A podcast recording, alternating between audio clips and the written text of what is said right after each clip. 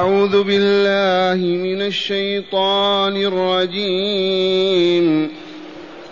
وإلى عاد أخاهم هودا قال يا قوم اعبدوا الله ما لكم من إله غيره أفلا تتقون قال الملا الذين كفروا من قومه انا لنراك في سفاهه انا لنراك في سفاهه وانا لنظنك من الكاذبين قال يا قوم ليس بي سفاهة ولكني رسول من رب العالمين أبلغكم رسالات ربي وأنا لكم ناصح أمين أوعجبتم أن جاءكم ذكر من ربكم على رجل منكم على رجل منكم لينذركم واذكروا إذ جعلكم خلفاء من بعد قوم نوح ۖ من بعد قوم نوح وزادكم في الخلق بسطة فاذكروا آلاء الله لعلكم تفلحون معاشر المستمعين والمستمعات من المؤمنين والمؤمنات قول ربنا جل ذكره وإلى عاد أخاهم هدى ما المراد بعاد ومن مراد بأخيهم هود عاد قبيلة من أشد القبائل وأقواها قوة وكانت ديارهم بالأحقاف ما بين حضر موت وعمان إلى الشحر هذه الأمة كانت من أقوى الأمم في الأرض ومن أشدها قوة وشاهده قوله تعالى وزادكم في الخلق بسطه حتى إن الرجل منهم كان يزيد على الستين ذراعا طولا ثلاثين متر وزيادة ويشهد لهذا ويقرره قول الله تعالى وقول الحق حكاية عنهم إذ قالوا من أشد منا قوة فتحداهم الله بقوته لما قالوا من أشد منا قوة أولم يروا أن الله الذي خلقهم هو أشد منهم قوة قطعا ما دمت قويا فخالقك أقوى منك هذه الأمة طغت ولنذكر قول الله تعالى أيضا من سورة الفجر ألم تر كيف فعل ربك بعاد إرم ذات العماد التي لم يخلق مثلها في البلاد من القائل فوالله ما كان مثلها في الأرض ومع هذا أين هم وقرأوا فأرسلنا عليهم ريحا صرصرا في أيام نحسات سبع ليالي وثمانية أيام لم يبق من تلك الأمة الكافرة أحد هذه الأمة نشأت عن تلك الجماعة المؤمنة التي نجت مع نوح في سفينته إذ علمنا أن السفينة احتوت أو حوت نيفا وثمانين إنسانا رجلا وامرأة وشاء الله أن ينتشر البشر في الأرض بتدبيره عز وجل آدم وحواء كم أصبح أولادهم وأحفادهم وعمروا تلك الديار ولما مات العلماء أو ضعفوا انتشرت فيهم البدع والضلالات وإلا أليسوا من أولاد نوح وتلامذته وأحفاده بمرور الزمان حسن لهم الشيطان عبادة غير الله لا باسم عبادة شخصية منفردة ولكن بعنوان التوسل والاستشفاع فأحيوا ما كان قد أهلك الله قوم نوح بواسطته قوم نوح أصروا على عبادة الآلهة وبخاصة يغوث ويعوق ونسر وسواع وهم كما أخبر رسول الله صلى الله عليه وسلم كانوا عبادا صالحين فلما ماتوا وضعوا على قبورهم تماثيل تمثلهم بدعوة التذكر في الصلاح والصالحين قرن قرنان ثلاثة جاجيل عبدوهم مع الله ودمر الله عز وجل تلك الفئة الكافرة وأنشأ أم أخرى مؤمنة ومضت القرون وإذا بهم يعودون إلى عبادة الأوثان لأن المزين لذلك والمحسن له عدونا إبليس ولا تعجب والله لو تفتح عينيك على ما كان عليه المسلمون في القرن الثاني عشر الهجري والحادي عشر والعاشر والتاسع والثامن لتعجبت أين لا إله إلا الله عبد غير الله حتى في هذه المدينة عبد الأولياء والصالحون والقباب والأشجار وأصبح العبد لا إله إلا الله لا يقولها وهو فاهم لها معنى وإن شئتم حلفت لكم بالله حتى لا تعجبوا كيف تحولت أحفاد نوح إلى أن أصبحوا وثنين يعبدون مع الله غيره في أمة القرآن والقرآن يتلى وهم ينادون يا سيدي عبد القادر يا مولاي إدريس يا عبد الرحمن يا سيدي فلان يا كذا يا فاطمة يا حسين والذبائح والنذور والرقص والصياح والضجيج حول الأضرحة في الشرق والغرب لا إله إلا ما عرفوا الله تحت عنوان الاستشفاع التوسل الاستغاثة بأولياء الله نحن ما ما عندنا حق أن نقابل الله ونقول أعطينا نتوسل له بأوليائه وصالح عباده فانتشرت الوثنية بمعناها الكامل وما زالت بقايا ولكن الله عز وجل بهذه الأسباب منها دعوة الشيخ محمد بن عبد الوهاب واحتضنتها أسرة آل سعود وانتشرت الدعوة منها الاتصالات التي تمت في هذا القرن فيما مضى لا يحج من القرية إلا رجل بعد عشرين سنة الآن الناس يحجون نساء ورجالا بالآلاف بالملايين الصحف التي ما كانت تحدث ولا تعرف أصبحت في يد كل إنسان المجلات التاليف الكتب والاذاعه قبل كل شيء والاعلام الكامل فانتشرت دعوه الله والا وثنيه سادت في العالم الاسلامي في القرون من الثامن الى الرابع الى الثالث عشر فلا تعجبوا ابدا ولنستمع الى ما قص الله علينا وإلى عاد أخاهم هود أي وأرسلنا إلى عاد أي قوم عاد أخاهم هودا الأخوة هذه وطنية أو قبلية أو إنسانية وإلا ليست بأخوة إيمانية لأنه مؤمن وهم كفرة مشركون فلهذا يجوز أن تقول أخونا البريطاني فلان أو أخونا الأمريكاني الفلاني يجوز أخوة إنسانية أليس هو بإنسان أليست أمنا واحدة وأبونا لا بأس لكن لا تقولها توددا إليه وتقربا وتحببا لكن كلمة إخواننا أو أخونا نعم ما في ذلك شك وهذه الآية دليل واضح وإلى عاد أخاهم من هودا أخاهم ابن أمهم وأبيهم ليس أخوهم في الدين هم مشركون وهو رسول الله صلى الله عليه وسلم إذا أرسله الله تعالى بما بدأ دعوته قال يا قوم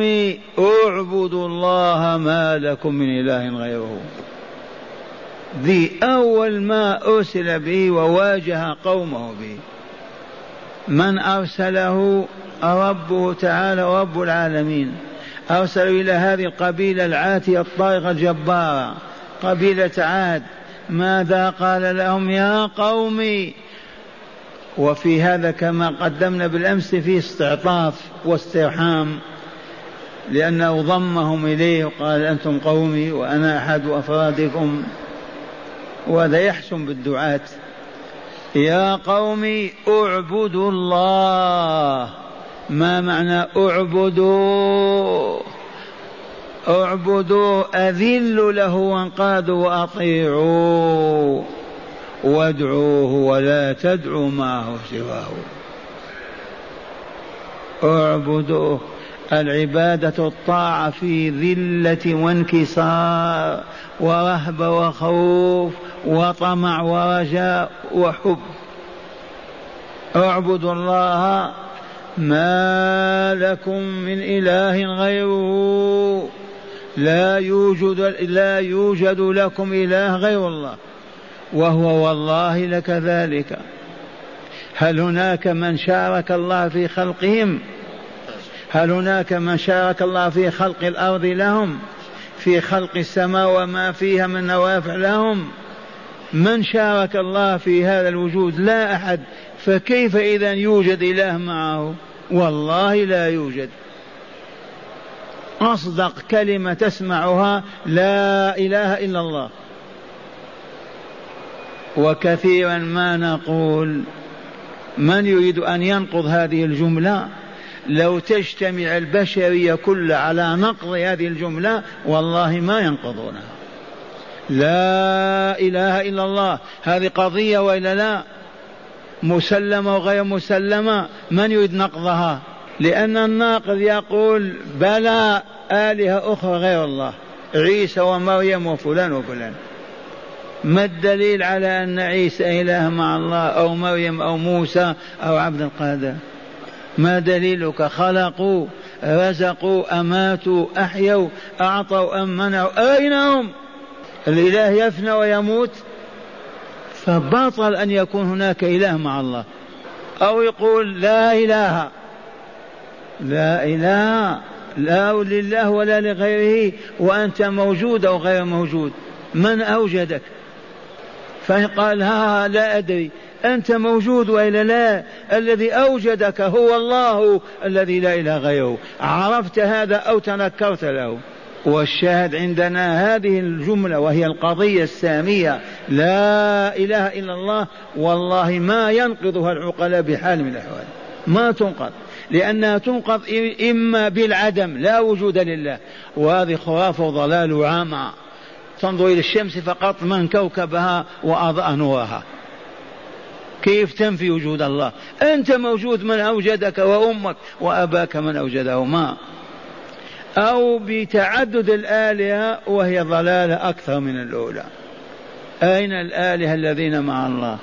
عيسى مات رفع كان غير موجود أمه فكيف بغير ذلك من الأصنام والتماثيل فهي قضية لا تنقض بحال من الأحوال قلها وارفع رأسك وصوتك لا إله إلا الله من أراد أن يثبت إلهية لأي كائن فليتفضل لأنه لا يكون إلها إلا إذا كان خلق ورزق ودبر الحياة وأوجد الكون بكامله وهل هذا الوصف يوجد في كائن من الكائنات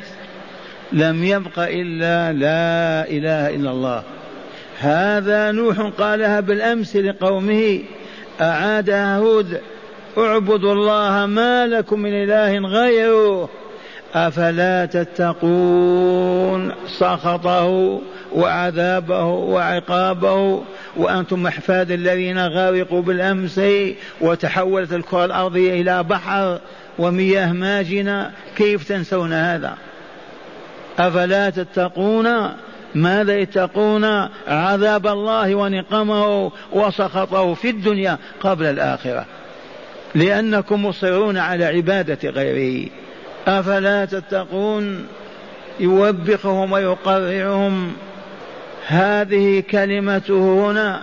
في يوم وكلمات في سورة القصص وفي سورة كذا لأنه عاش معهم دهرا فتذكر القصص موزعة في القرآن حتى تشمل أكثر ما حدث في سورة هود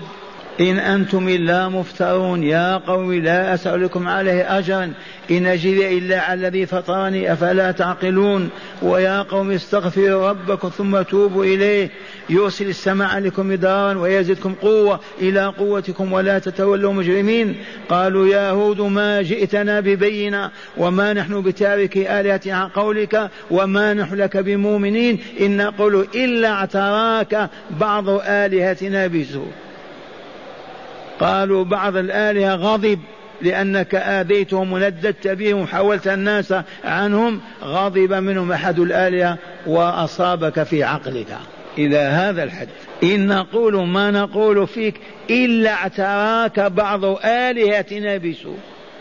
قال إني أشهد الله وأشهد أني بريء مما تشركون من دونه فكيدوني جميعا ولا تنظرون إني توكلت على الله ربي وربكم الآيات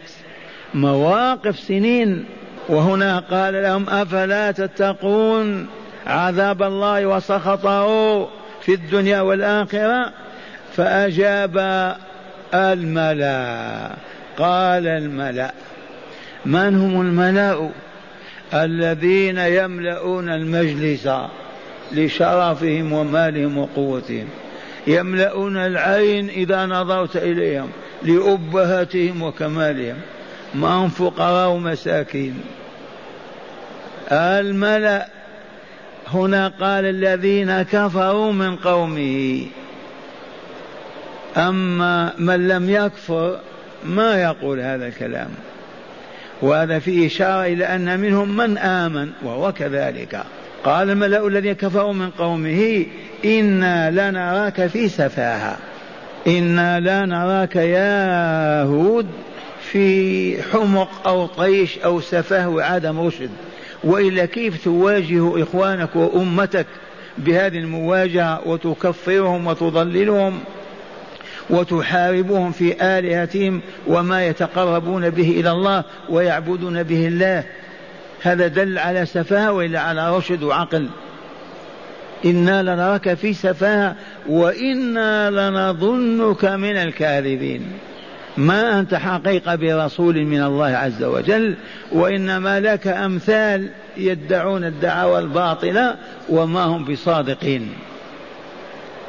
هذا الكلام يقال الآن في كل مكان كل من واجه الأمة بدعوة سليمة يقال هذا أحمق أو خيالي كذا وهكذا والبشرية هي البشرية الطباع هي الطباع ما في جديد أبدا بيننا وبين هود آلاف السنين ومع هذا هذه الكلمة والله تقال الليلة كل من دعا إلى الله يقال فيه كذا وكذا قالوا إنا لنراك في سفاهة ما في رشد عندك ولا وعي ولا بصيرة كيف تحارب أمة بكاملها وتدعو أن تصرفها عن عبادتها وآلهتها التي تتقرب بها إلى الله إنا لنراك في سفاهة وإنا لنظنك من الكاذبين ما أنت من الصادقين في دعوتك ومعنى هذا أنهم يبررون موقفهم حتى لا يستجيبوا لدعوة هود ولا يقبلونها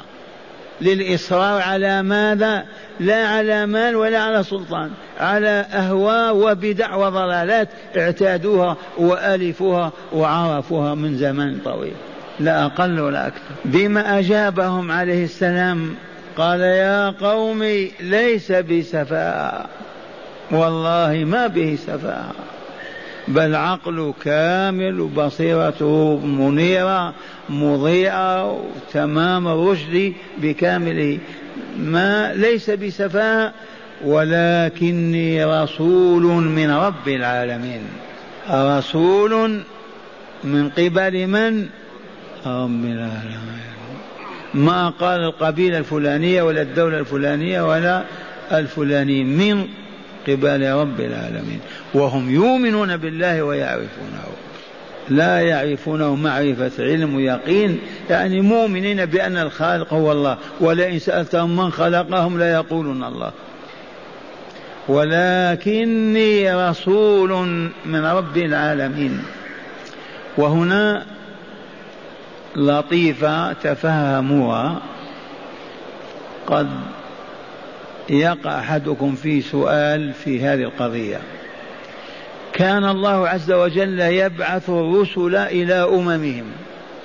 كل قبيلة لا أقول قبيلة كل أهل منطقة يبعث فيهم رسولا يموت الرسول تأتي قرون يجدد الرسالة وهكذا ما في رسالة عامة جامعة للبشرية إلا رسالة محمد صلى الله عليه وسلم كل رسول يقول يا قوم إني لكم محمد صلى الله عليه وسلم يا أيها الناس إني رسول الله إليكم جميعا مؤمنون بهذا ولا كل رسل كل رسول في قبيلة في أمة في منطقة في العالم ويقول إني رسول الله إليكم إلا نبينا محمد صلى الله عليه وسلم خاتم الأنبياء قال له قل يا أيها الناس هذا اللفظ يشمل الأبيض والأسود والقريب والبعيد والآتي واللاحق أليس كذلك لفظ الناس ما قال يا قومي إني رسول الله إليكم جميعا وانظر تدبير الله عز وجل علم الله ما سيتم من الاتصالات البحريه والجويه والارضيه أن البشرية ستصبح كأنها في مدينة واحدة ووالله لقد وقع هذا الآن تتكلم في مذياع تسمع العالم بكامله أليس كذلك؟ الآن أمريكا تطير لها في ست ساعات والهند في خمس ساعات وأنت في المدينة لعلم الله تعالى بما سيوجده من اتصالات البشرية وارتباطها ببعضها البعض ما جدد لها رسالات ختمها برسالة ختامية قبل في بداية الدعوة قد يخطر ببال الناس من يستطيع أن يبلغ هذه الدعوة للأبيض والأسود في العالم وإن كان التزموا بها وحملوا رايتها ولكن الآن عرفنا سر عموم هذه الرسالة فلهذا يجب أن يتعلم العربية كل إنسان الآن الأمريكاني والصيني والياباني والبربري والقبائل يجب أن يتعلموا لسان دينهم إذ دينهم الإسلام ونبيهم محمد العربي يكلمهم بكلامهم يجب أن يتعلموها فهمتم هذه ولا لا أكثر الضلالات وأكثر البدع نتجت عن عدم فهم اللغة العربية ثبات العجمي ما يستطيع أن يفهم أسرار هذه اللغة ولا أسرار الشريعة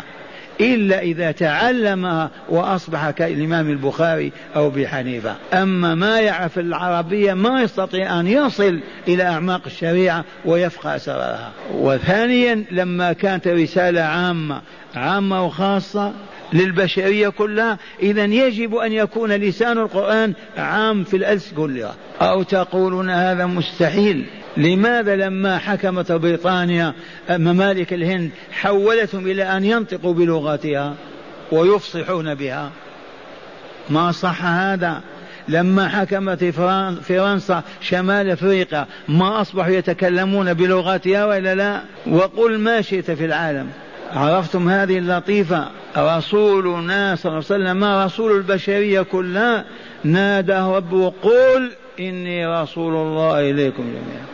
باقي الرسل كل رسول قل يا قومي إني رسول رب العالمين وتعددت الرسل وتعددت المناطق والبشرية متباعدة من يصل إلى الهند إلا بكذا من يصل إلى كذا وكذا فلما علم الله ما سيحدثه من هذا الاتصال والارتباط بالبشرية وحد رسالة فقط رسول واحد قال يا قوم ليس بسفاهة ولكني رسول عظيم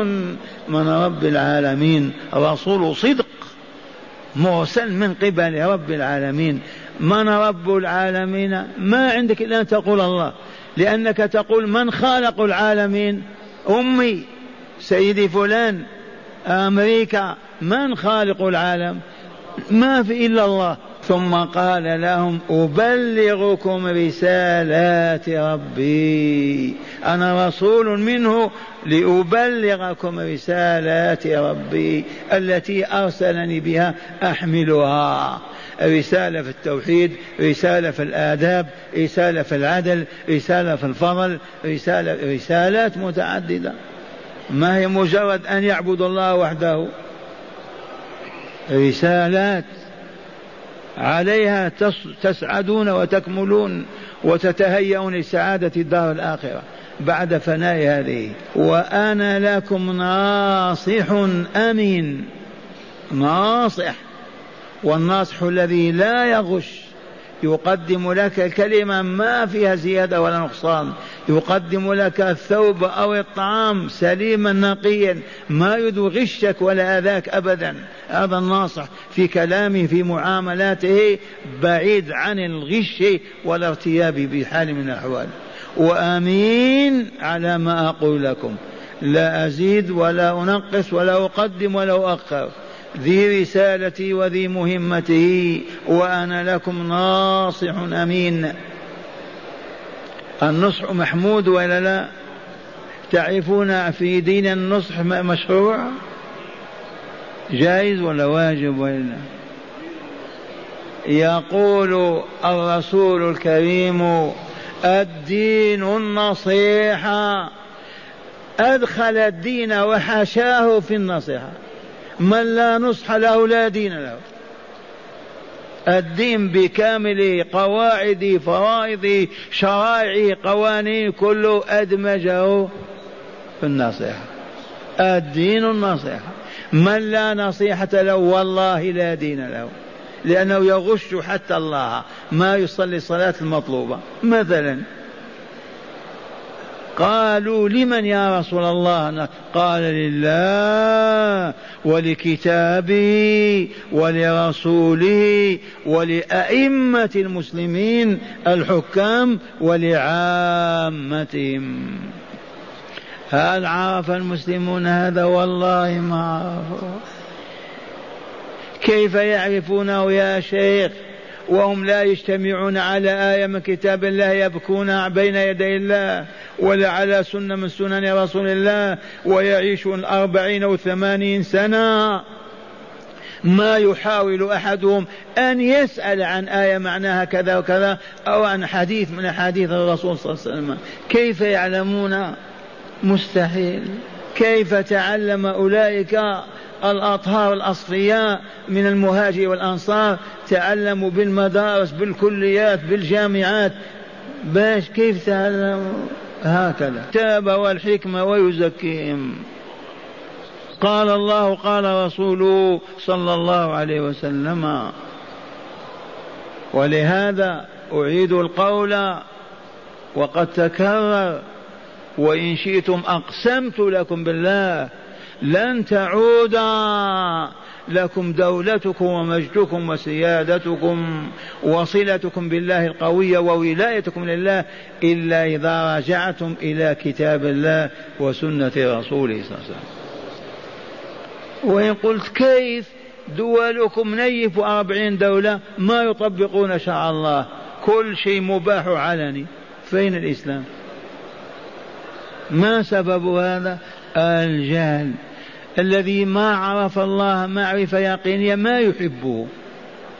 الذي ما عرف الله معرفة حقيقة ما يخافه والذي لا يخاف الله ولا يحبه كيف يستقيم لك يعيش خمسين سنة ما يكذب كذبة ولا يمد يده لظلم أو شر كيف يمكن هذا مستحيل يعلمهم ويزكيهم ولهذا نقول ينبغي أن نعود من جديد هذه الكلمة يقول هذه سفاهة عقل جماعتنا قالوا هذه خيالات وقالوا هذه أوهام كذا ولا لا أسألوكم بالله أي وهم أو خيال إذا دقت الساعة السادسة مساءً مالت الشمس إلى الغروب هذا معنى وإلا لا يغلق كل باب في متجر ودكان ومقهى وأهل القرية أو أهل الحي أو المدينة يقومون يغلقون دكاكينهم أعمالهم ويتوضؤون ويحملون أطفالهم ونساءهم إلى بيوت ربهم للاستراحة يصلون المغرب والنساء وراء الستارة والأطفال يصففونهم كالملائكة والفحول أمامهم ويتلون آية من كتاب الله القرآن العظيم ويتغنون بها في أنفسهم حتى تحفظ ثم تشرح لهم وتفسر ويبين لهم مراد الله منها فإن كان عقيدة عقدوها من ثم في قلوبهم وإن كان واجبا عرفوه وعزموا على القيام به وإن كان محرما تركوه وعزموا على تركه وإن كان أدبا أو خلقا تخلقوا به ويصلون العشاء ويعودون إلى بيوتهم وكلهم شباع بالنور الإلهي لأن هذا المجلس الآن بينكم يخفف آلامنا وإلى لا ننسى الجوع وننسى العيون وننسى الدنيا بكاملها دي سنة الله عز وجل ويعودون مطمئنين في بيوتهم وينامون ما هم في حاجة إلى تلفاز ولا شاشة ولا لهو ولا باطل ولا أغاني ويستطيعون أن يستيقظوا قبل الفجر فينطلق رجالهم للعمل بعد صلاة الصبح مباشرة ماتت الساعة العاشرة إلا وقد دوخوا الأرض وأنتجوا ما أنتجوا والليلة الثانية سنة من سنن أبي القاسم حديث الدين النصيحة قلنا لمن يا رسول الله قال لله ولكتابه ولرسوله ولأئمة المسلمين وعامتهم ربع ساعة يحفظونه نساء ورجالا وأطفالا نصف ساعة أخرى يشرح لهم ويبين يفقهون ويفهمون ويعودون إلى بيوتهم مملوئين بالنور الإلهي وهكذا طول العام يبقى فاسق بينهم يبقى فاجر ظالم معتدي شريس والله ما يبقى إلا ما ندى يبقى بينهم بخيل وشحيح ومعتدي ومعجب كل تلك الأمراض تزول بهذا العلاج الرباني يزكيهم ويطهرهم ما المانع أن نعمل هذا فليصدر وزير الداخلية أمره بهذا خلي الناس الشياطين تصرخ لا قيمة لصراخهم أنت مؤمن وإلا لا وعام فقط من هذا النوع والأمة كلها نور والله لا يفضل المال ويزيد وقد يبحثون من ياخذ ولا يجدون ايضا اذا زكت النفوس وارتقت الاخلاق ولكن ما نستطيع هذا فهم بعيد هذا عن الواقع قلنا لهم والله يشهد وسوف يذكرون في قبورهم بها يوم القيامه ألستم تقلدون أوروبا وإلا لا وأمريكا قالوا لا والله قلدتموهم هكذا قوانينهم تطبقونها في دياركم وتقول ما قلدناهم قلدتموهم هيا بنا إلى باريس دقت الساعة السادسة يبقى العمل يبقى العمل ما في عمل إلى أين إلى المقاصف المراقص الملاهي الملاعب بأطفالهم ونسائهم يخففون آلام الدنيا المتمكنة من نفوسهم يطلبون راحة لنفوسهم ونحن أهل لا إله إلا الله أهل القرآن الرباني وكلام الله ما نروح على أنفسنا في بيوت الله ونصر على العمل في الدكاكين حتى لا نشهد الصلاة ولا نشهد كلمة حق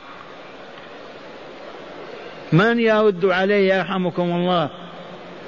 لم يبق إلا أن نقول هذا قضى الله وقدره لنبقى هابطين إلى زوالنا وأنا لكم ناصح أمين ثم قال لهم أو عجبتم أن جاءكم ذكر من ربكم على رجل منكم لينذركم أتعجبون من هذا كون يأتيكم رجل منكم من ربكم يرسله إليكم لينذركم عواقب ما أنتم عليه ووالله إن عواقب هذه الأمة هذا الجيل الذي نعيشه لعظيمة إلا أن يتدارك الله الإسلام المسلمين برحمته إذا تنصح تنظر تجد أمة منحدرة إلى الهاوية وإن قلت هذه أمة محمد ما تصاب بما تقول قلنا أما ذلة هانت حتى حكمتها بريطانيا وإيطاليا وأسبانيا وفرنسا و و وإلا لا ما أهانوهم وأذلوهم وحكموهم كيف تقول لي كيف هذا يكون وآية ذلك حفن من اليهود أذل الخلق على الإطلاق أهل المسكنة والمذلة انتصروا على العالم الإسلامي ورفعوا أوصاف حصل هذا ولا لا؟ إذا ماذا ترد علي والله إن لم يتدارك الله المسلمين بتوبة نصوح صادقة لا ينزل بهم الذين يعيشون بعد عام وعشرة بلى ما عرفوه أو عجبتم أن جاءكم ذكر من ربكم ما هو من شخص آخر ورجل آخر وإنسان آخر بل من خالقكم ورازقكم لينذركم ينذرهم من أي شيء من عواقب شركهم وعنادهم وكفرهم وباطلهم وفسقهم وفجورهم ما لها عواقب هذه ولا لا هل سنن الله تتبدل الطعام يشبع وإلا بطل ما يشبع الآن الماء يروي وإلا ما أصبح يروي العطشان النار تحرق وإلا بطلت ما تحرق الحديد يقطع وإلا لا سنن لا تتبدل الفسق والفجور وكفران النعم وعدم شكرها له نهايته الخراب والدمار لن تتبدل سنة الله عز وجل قال لهم أخيرا واذكروا إذ جعلكم خلفاء من بعد قوم نوح وزادكم في الخلق بسطا يذكرهم بنعم الله عليهم ألم يجعلكم خلفاء من بعد قوم نوح ولا لا لو شاء ما أوجدكم والله ما أوجدهم ما أهلك البشرية كلها إلا جماعة في سفينة لو شاء الله ما كانوا إذا أوجدهم ولا لا اذكروا إذ جعلكم خلفاء من بعد قوم نوح وزادكم في الخلق بسطا الرجل طوله أكثر من ستين ذراعا وحسبكم قول ربنا ألم تر كيف فعل ربك يا محمد بعاد إرم ذات العماد التي لم يخلق مثلها في البلاد وما هي إلا ريح عاصفة سبع ليالي وثمانية أيام فلم يبق منهم أحد ونجى الله المؤمنين مع نبيهم ورسولهم هود ونزحوا إلى الشمال فتكونت قوم ثمود أو أم ثمود قال تعالى واذكروا هذه كلمات هود اذكروا اجعلك خلفاء بني قوم نوح وزادكم في الخلق بسطة فاذكروا آلاء الله نحن أحق بها من قوم هود هيا نذكر آلاء الله ما كنا نمشي على أرجلنا أصبحنا نطير في السماء ما كنا نعيش على حفنة التمر وقرص العيش أصبحنا نتقلف الطعام والشراب أصبحنا أصبح أذكر هذه الآلاء ما فيه من يذكرها إلا واحد في الألف ويقول الحمد لله الحمد لله فاذكروا آلاء الله لأن ذكركم لها يحملكم على شكرها بحب الله وطاعته وحب ما يحب وطاعة من أمر بطاعته من عباده وأوليائه لعلكم تفلحون أي من أجل أن تفلحوا والفلاح النجاة من العذاب والسلامة ثم السعادة الكاملة في الدار الآخرة الفلاح والفوز